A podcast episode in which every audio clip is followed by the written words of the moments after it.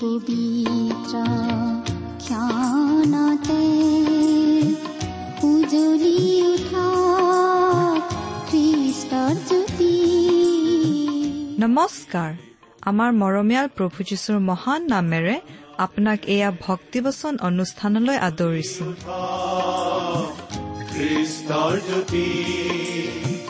আকাশ বতাহ মুখৰিত কৰি গাঁও সবে মিলি গীতি গাঁও সবে মিলি গীতি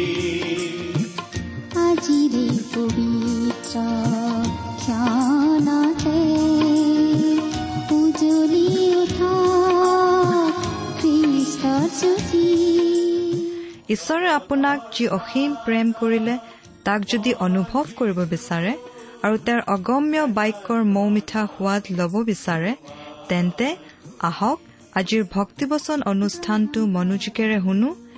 এয়া আপোনালৈ আগবঢ়াইছো। ঈশ্বৰৰ জীৱন্ত বাক্যৰ অনুষ্ঠান ভক্তিবচন।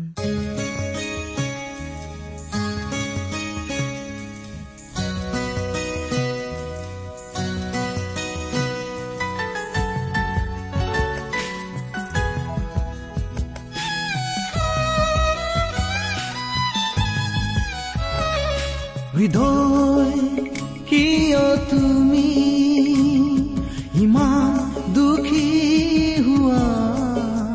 তোমাৰ মনত আনন্দ নাই যেন বিপদাগৰ আছে। অন্তৰ ভাবি নিচোৱা। তোমাক ঈশ্বৰে কিমান মৰম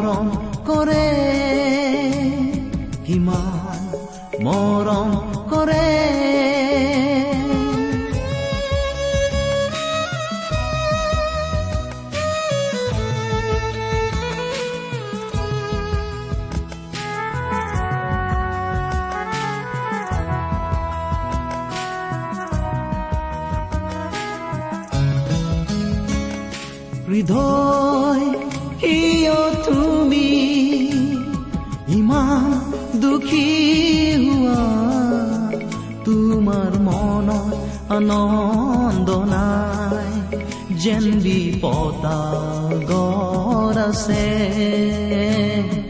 অন্তৰ ভাবি গুণিছোৱা তোমাক ঈশ্বৰে কিমান মৰম কৰে কিমান মৰম কৰে।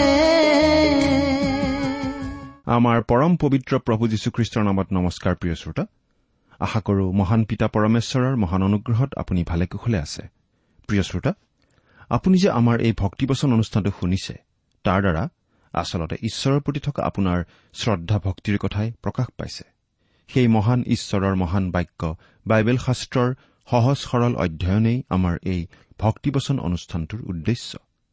সেই ক্ষেত্ৰত আমি কিমান দূৰ সফল হৈছো তাৰ বিচাৰ আপোনালোকৰ হাতত। আপোনালোকৰ মতামত আদি আমালৈ চিঠি লিখি জনাবচোন। যদিহে আপুনি আমাৰ নিয়মীয়া শ্ৰোতা কিন্তু কেতিয়াও আমালৈ চিঠি পত্ৰ লিখা নাই তেনেহলে আজিয়েই লিখিবচোন। যদিহে আমালৈ মাজে সময়ে চিঠি পত্ৰ লিখি আছে তেনেহলে লিখিবলৈ যেন এৰি নিদিয়ে। আমাৰ ঠিকনা ভক্তিবচন টি ডব্লিউ আৰ ইণ্ডিয়া ডাক বাকচ নম্বৰ সাত শূন্য গুৱাহাটী সাত আঠ এক শূন্য শূন্য এক। ভক্তিবচন T W R India postbox number seventy Guwahati seven eight one zero' zero' one আমাৰ website W W W dot radio' eight eight two dot com আহকচোন আজিৰ বাইবেল অধ্যয়ন আৰম্ভ কৰাৰ আগতে খন্তেক প্ৰাৰ্থনাত মূৰ দুৱাওঁ। আমি প্ৰাৰ্থনা কৰো। স্বৰ্গত থকা অসীম দয়ালু পিতৃশ্বৰ তোমাৰ মহান নামৰ ধন্যবাদ কৰো। তুমি সৰ্বশক্তিমান সৰ্বব্যাপী সৰ্বজ্ঞানী ঈশ্বৰ হৈও আমাৰ দৰে মানুহক ইমান যে প্ৰেম কৰা সেই কথা ভাবিলেই আচৰিত লাগে। তুমি আমাক ইমানেই প্ৰেম কৰিলা যে আমাক পৰিত্ৰাণ দিবলৈ তুমি তোমাৰ একেজাত পুত্ৰ যীশুখ্ৰীষ্টকে আমালৈ দান কৰিলা। তেওঁ আমাৰ সকলো পাপৰ বোজা নিজৰ কান্ধত লৈ আমাৰ হৈ ক্ৰুচত প্ৰাণ দিলে। নিজৰ পবিত্ৰ তেজেৰে আমাৰ পাপৰ প্ৰায়চিত্ৰ কৰিলে। আজি তেওঁত বিশ্বাস কৰি আমি অনন্ত জীৱন লাভ কৰি তোমাক পিতৃ বুলি মাতিব পৰা হৈছো। তাৰ বাবে তোমাক অশেষ ধন্যবাদ পিতা। এতিয়া আমি তোমাৰ মহান বাক্য বাইবেল শাস্ত্ৰ অধ্যয়ন কৰিবলৈ ওলাইছো। প্ৰাৰ্থনা কৰিছো পিতা তোমাৰ বাক্য বুজি পাবলৈ তুমি আমাক সহায় কৰা। এই অনুষ্ঠান শুনি থকা আমাৰ মৰমৰ শ্ৰোতাসকলক তুমি উপচি পৰাকৈ আশীৰ্বাদ কৰা। তেওঁলোকৰ জীৱন তোমাৰ মহান আশীৰ্বাদেৰে সফল কৰি তোলা। তোমাৰ স্পষ্ট মাত তেওঁলোকক শুনিবলৈ দিয়া কিয়নো এই প্ৰাৰ্থনা আমাৰ মহান ত্ৰাণকৰ্তা মৃত্যুঞ্জয়ী প্ৰভু যীশুখ্ৰীষ্টৰ নামত আগবঢ়াইছো। আমেন।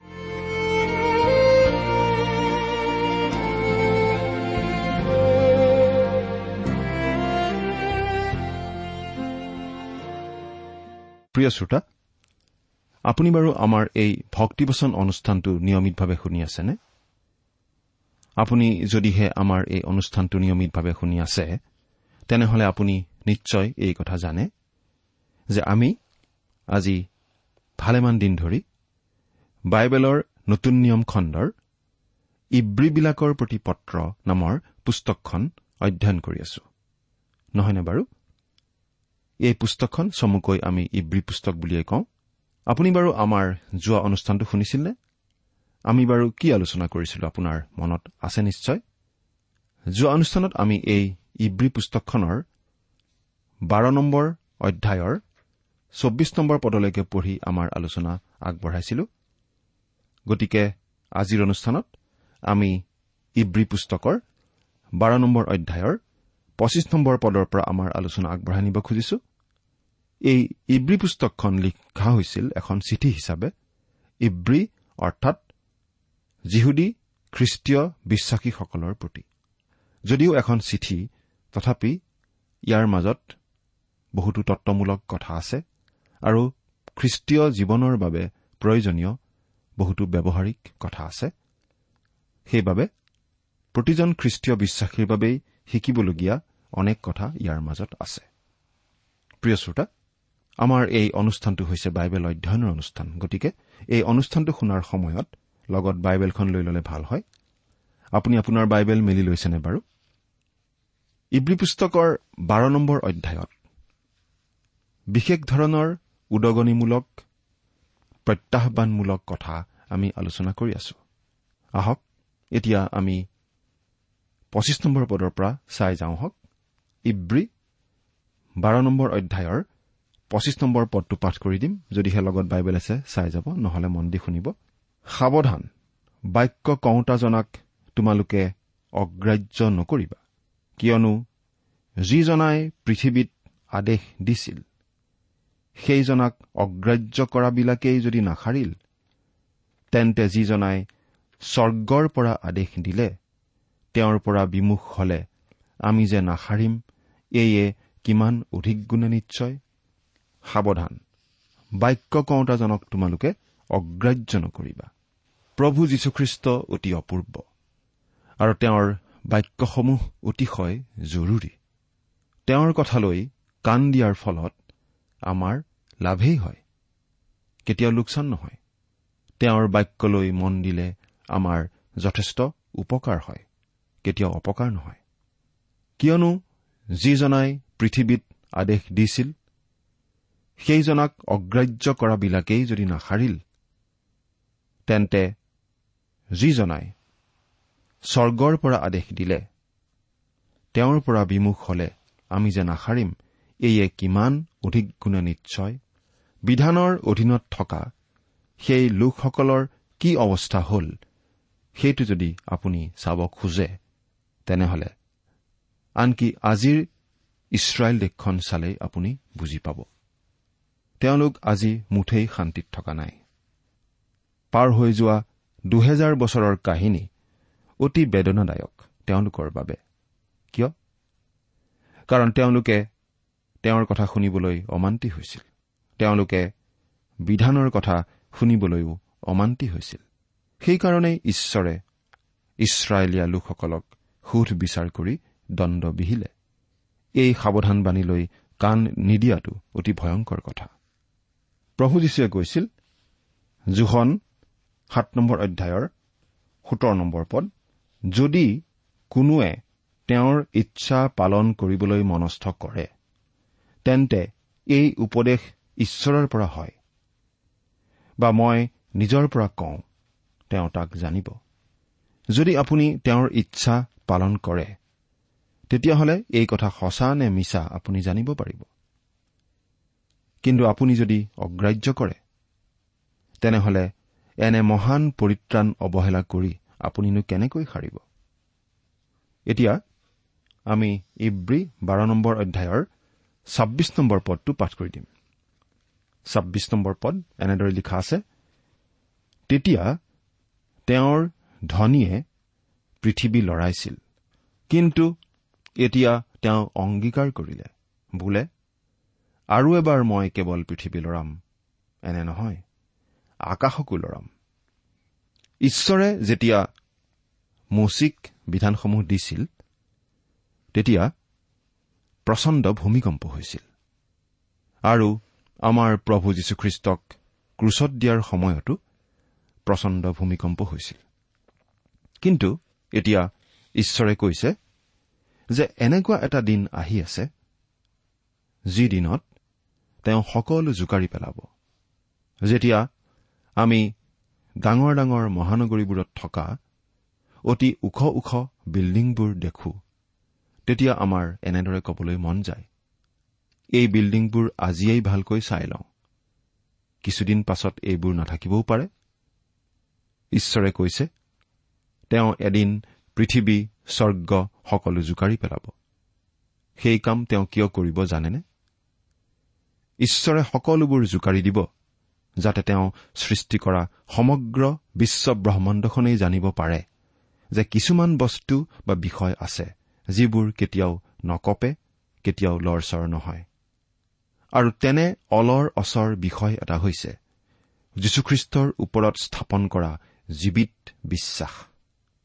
তেওঁ হৈছে আমি আশ্ৰয় লোৱা খোপনি লোৱা শিল আৰু তেওঁক কেতিয়াও লৰচৰ কৰিব নোৱাৰি।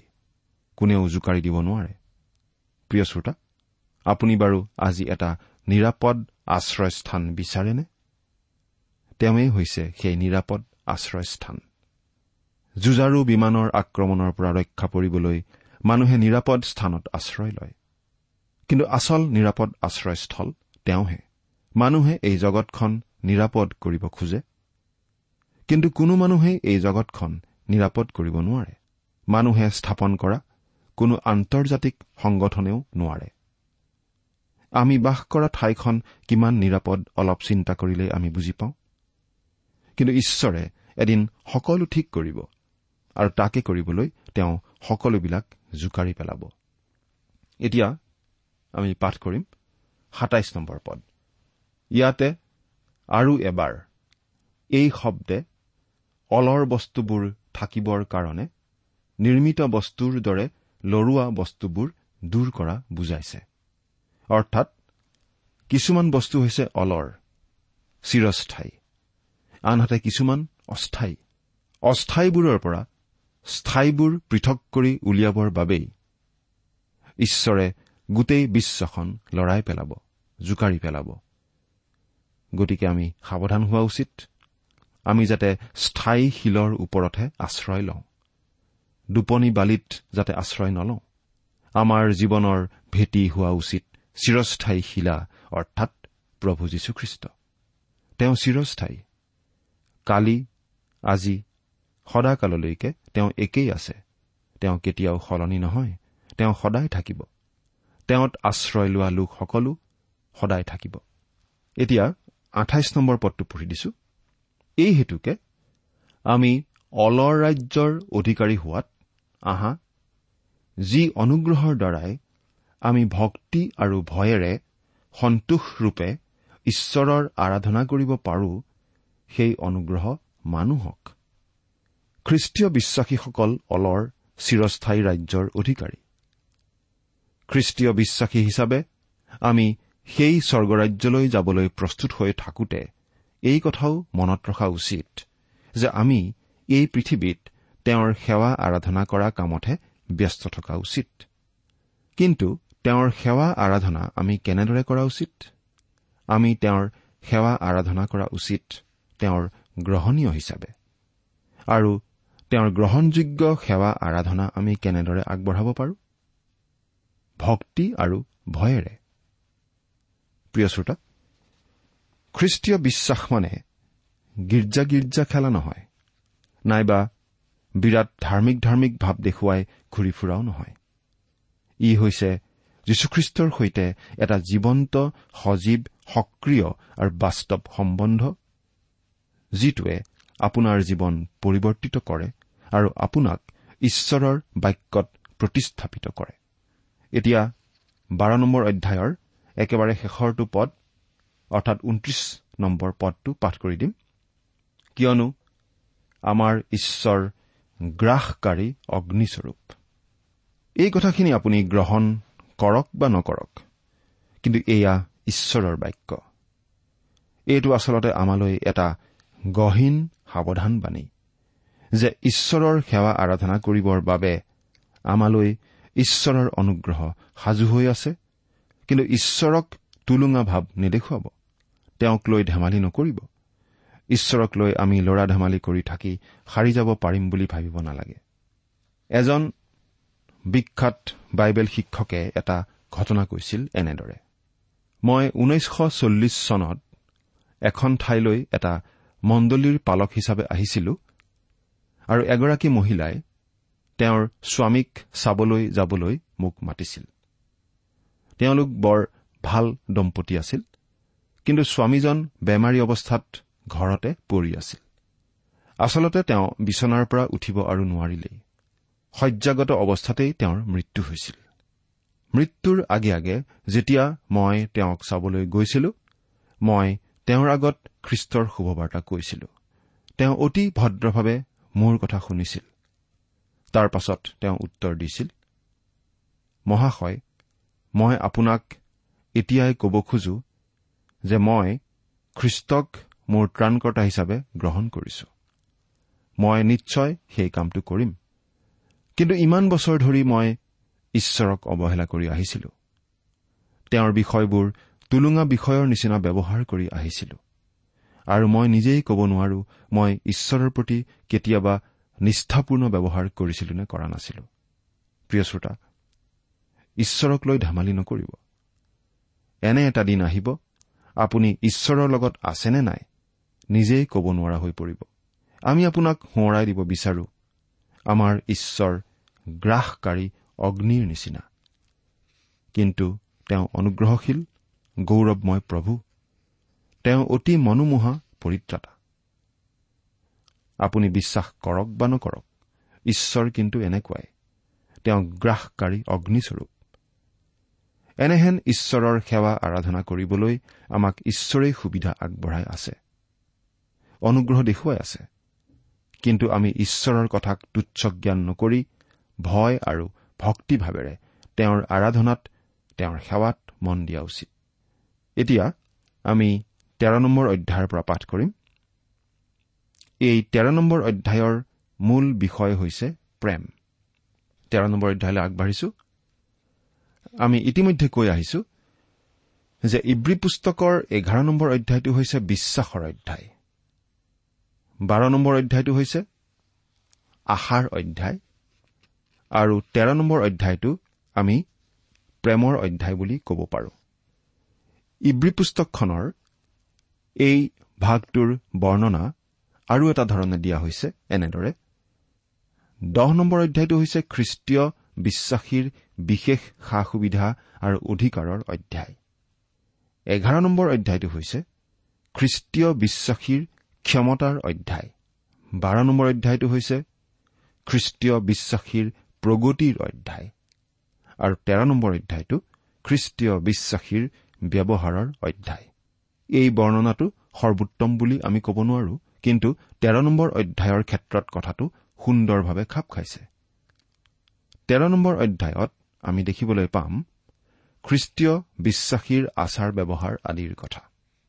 প্ৰথমতে এক আৰু দুই নম্বৰ পদ দুটা পঢ়ি দিছো তেৰ নম্বৰ অধ্যায়ৰ। ইয়াত আমি এনেদৰে পঢ়িবলৈ পাওঁ ভাতৃপ্ৰেম চলি থাকক। তোমালোকে অতিথি সেৱা নাপাহৰিবা। কিয়নো তাৰ দ্বাৰাই কোনো কোনোৱে নাজানি স্বৰ্গদূতবিলাককেই আলহী সুধিলে। ভ্ৰাতৃপ্ৰেম বা ভাই ভাইৰ মাজৰ প্ৰেম। এই পত্ৰখনৰ লিখকে ঘাইকৈ ইব্ৰী লোকসকলৰ প্ৰতিয়েই পত্ৰখন লিখিছিল কিন্তু তেওঁ যিখিনি কথা ইয়াত কৈছে সেইখিনি আমাৰ বাবেও প্ৰযোজ্য। যিহুদী আৰু পৰজাতীয় লোক সকলোকে এটা শৰীৰৰ অন্তৰ্ভুক্ত কৰা হৈছিল খ্ৰীষ্টীয় বিশ্বাসীৰ সামগ্ৰিক শৰীৰ অৰ্থাৎ খ্ৰীষ্টৰ মণ্ডলীত। আৰু সেই শৰীৰটো গাঁঠি ৰখা আঠা বা চিমেণ্টটো হৈছে ভাতৃপ্ৰেম ভাই ভাইৰ মাজত থকা প্ৰেম। আমি ভাইৰ নিচিনা প্ৰেম কৰিব নালাগে কিন্তু আমি যে ভাই ভাই সেই কথা জানিহে পৰস্পৰক আমি প্ৰেম কৰিব লাগে। প্ৰিয় শ্ৰোতা যদি আপুনি প্ৰভু যীশুক বিশ্বাস কৰে তেন্তে আপুনি ঈশ্বৰৰ সন্তান। আৰু আমাৰ ভাই বা ভনী কিছুমান মানুহৰ পৰা আমি চিঠি পাওঁ তেওঁলোকে এনেদৰে কয় মই বেলেগ সম্প্ৰদায়ৰ মানুহ কিন্তু মই এজন খ্ৰীষ্টীয় বিশ্বাসী। মই এই অনুষ্ঠানৰ শ্ৰোতা। আৰু আপোনালোকক এই কথা জনাব খোজো যে আপোনালোকৰ প্ৰতি মোৰ খ্ৰীষ্টীয় প্ৰেম আছে। তেনেকুৱা কথা শুনিলে আমাৰ বৰ ভাল লাগে। আমাৰ মাজত আন একো ধৰণৰ প্ৰভেদ থাকিব নোৱাৰে কাৰণ খ্ৰীষ্টত আমি এক ঈশ্বৰৰ সন্তান হৈছো। তেওঁ প্ৰতিজন খ্ৰীষ্টীয় বিশ্বাসীক নতুন হৃদয় দিছে আৰু হিমতকৈ বগা কৰি ধুই পৰিষ্কাৰ কৰিছে। আমি ভাই ভাই ঈশ্বৰৰ পৰিয়ালৰ লোক। গতিকে আমি পৰস্পৰক প্ৰেম কৰা উচিত। খ্ৰীষ্টীয় বিশ্বাসীৰ জীৱনটো এটা ত্ৰিভুজৰ নিচিনা। এই জীৱন বিশ্বাসৰ জীৱন। ঈশ্বৰৰ প্ৰতি প্ৰেমৰ জীৱন আৰু আনৰ প্ৰতি দেখুওৱা প্ৰেমৰ জীৱন। ভাতৃপ্ৰেম চলি থাওক অতিথি সেৱা নাপাহৰিবা। কিয়নো তাৰ দ্বাৰাই কোনো কোনোৱে নাজানি স্বৰ্গদূতবিলাককেই আলহী সুধিলে। ইয়াত স্বৰ্গদূতবিলাক বুলি কওঁতে আচলতে সঁচা স্বৰ্গদূতৰ লগতে ঈশ্বৰৰ প্ৰতিনিধিস্বৰূপ সাধুসকলকো বুজাব পাৰে। সেই একেটা শব্দকেই ব্যৱহাৰ কৰা হৈছে এছিয়া মাইনৰৰ সাতটা মণ্ডলীলৈ লিখা কথাখিনিত প্ৰকাশিত বাক্য দুই আৰু তিনি নম্বৰ অধ্যায়ত। আৰু তাৰ পৰাই আমি এই ধাৰণাটো ল'ব পাৰো যে ইয়াত স্বৰ্গদূত মানে ঈশ্বৰৰ প্ৰতিনিধিস্বৰূপ মানুহৰ কথাই আচলতে ঘাইকৈ বুজোৱা হৈছে। অৰ্থাৎ খ্ৰীষ্টীয় মণ্ডলীৰ শিক্ষক নেতা আৰু আন আন পৰিচাৰকসকলো হ'ব পাৰে। ইয়াত পত্ৰখনৰ লিখকে এই কথাটো জনাইছে যে পুৰণি নিয়মৰ দিনত কিছুমান লোকে নাজানি স্বৰ্গদূতকেই সেৱা কৰিবলৈ পাইছিল। অব্ৰাহামে তেনে কৰিবলৈ পাইছিল। জাকুবেও তেনেদৰে লগ পাইছিল আৰু যীহুচুৱায়ো এজন স্বৰ্গদূতক আলহী সুধিছিল। কিন্তু ইব্ৰী পুস্তকখনৰ এই পদটোৰ মূল ভাৱটো এইয়ে যে আমি আলহীৰ প্ৰতি আতিথ্য আগবঢ়াই তেওঁলোকৰ প্ৰতি প্ৰেম প্ৰদৰ্শন কৰা উচিত। আমি অৱশ্যে যথেষ্ট সাৱধানেৰে আমাৰ প্ৰেম প্ৰদৰ্শন কৰা উচিত কিন্তু আমি এই কথা জনা উচিত যে আমাৰ চাৰিওফালে অনেক লোক আছে যিসকলক আমাৰ সহায়ৰ প্ৰয়োজন আছে। সেইসকল লোকৰ প্ৰতি আমি আমাৰ প্ৰেম প্ৰদৰ্শন কৰা উচিত আৰু তাকে কৰোতে আমি বহুতো আদৰণীয় ব্যক্তিক লগ পাই যাব পাৰো। এতিয়া পাঠ কৰি দিম। তিনি নম্বৰ পদটো। বন্দীয়াৰবিলাকক লগৰ বন্দীয়াৰ যেন মানি তেওঁবিলাকক সোঁৱৰা। নিজেও শৰীৰত থকা জানি অত্যাচাৰ পোৱাবিলাকক সোঁৱৰা। পাচনি পৌল নিজেও বন্দী অৱস্থাত থাকিব লগা হৈছিল। সেই বন্দীত্বৰ কথা পাচনি পৌলে ভালদৰে জানিছিল। সেইকাৰণেই তেওঁ কৈছে বন্দীয়াৰবিলাকৰ লগৰ বন্দীয়াৰ যেন মানি তেওঁবিলাকক সোঁৱৰা। আমি এই কথা মনত ৰখা উচিত যে খ্ৰীষ্টীয় মণ্ডলী এটা শৰীৰ। যেতিয়া এটা অংগই কষ্ট পায় তেতিয়া গোটেই শৰীৰটোৱেই কষ্ট পায়। আমি সকলোৱে কষ্ট পাওঁ। আমি সৰু সৰু দল হিচাপে যেতিয়া প্ৰাৰ্থনা উপাসনা নাইবা প্ৰীতিভোজ আদিৰ বাবে গোট খাওঁ তেতিয়া খ্ৰীষ্টীয় সহভাগিতাৰ কথা খুব কওঁ। কিন্তু আমি জনা বা নজনা ঠাইত কোনো দূৰ ঠাইত বিচনাত পৰি থকা দুখীয়া সাধুজনৰ কথা আমি বাৰু চিন্তা কৰোনে আমি আচলতে ৰোগীয়া আৰু নিসংগ লোকক চাবলৈ যোৱা সুন্দৰ পৰিচৰ্যা এটা প্ৰায় সকলো লোকেই কৰিব পাৰো। আচলতে তেনেকুৱা ভাতৃপ্ৰেমৰ কথাই ইয়াত কোৱা হৈছে। এই ভাতৃপ্ৰেম কেৱল গীৰ্জা উপাসনাৰ সময়ত নাইবা সৰু সৰু সহভাগিতাৰ সময়তেই থাকিলে নহ'ব। আমি ব্যক্তিগতভাৱে পৰস্পৰৰ প্ৰতি সেই ভাতৃপ্ৰেম প্ৰদৰ্শন কৰি থাকিব লাগিব। প্ৰিয় শ্ৰোতা আপোনাৰ চাৰিওফালে থকা খ্ৰীষ্টীয় বিশ্বাসী ভাই ভনীসকলৰ প্ৰতি আপোনাৰ অন্তৰত তেনেকুৱা ভাৱ আছেনে? চিন্তা কৰি চাওকচোন। ঈশ্বৰে আপোনাক আশীৰ্বাদ কৰক। আমেন। তোমাক ঈশ্বৰে কিমান মৰম কৰে। কিমান মৰম কৰে। ইমান পৰে আপুনি ভক্তিবচন অনুষ্ঠানটি শুনিলে। অনুষ্ঠানটি শুনি কেনে পালে আমালৈ চিঠি লিখি জনাবচোন। অনুষ্ঠানত প্ৰচাৰ কৰা কোনো কথা বুজিব লগা থাকিলেও আমালৈ লিখক। আমাৰ ঠিকনা ভক্তিবচন টি ডাব্লিউ আৰ ইণ্ডিয়া। ডাক পাকচ নম্বৰ সাত শূন্য গুৱাহাটী সাত আঠ এক শূন্য শূন্য এক। ঠিকনাটো আৰু এবাৰ কৈছো ভক্তিবচন টি ডাব্লিউ আৰ ইণ্ডিয়া। ডাক পাকচ নম্বৰ সাত শূন্য গুৱাহাটী সাত আঠ এক। শূন্য শূন্য এক আপুনি ইমেইল যোগেৰেও আমাৰ সৈতে যোগাযোগ কৰিব পাৰে। আমাৰ ইমেইল আইডিটো হৈছে Assamese T TV at radio' eight eight two dot com. আইডিটো আকৌ এবাৰ কৈছো। Assamese T TV at radio' eight eight two dot com. আপুনি টেলিফোনৰ মাধ্যমেৰেও আমাক যোগাযোগ কৰিব পাৰে।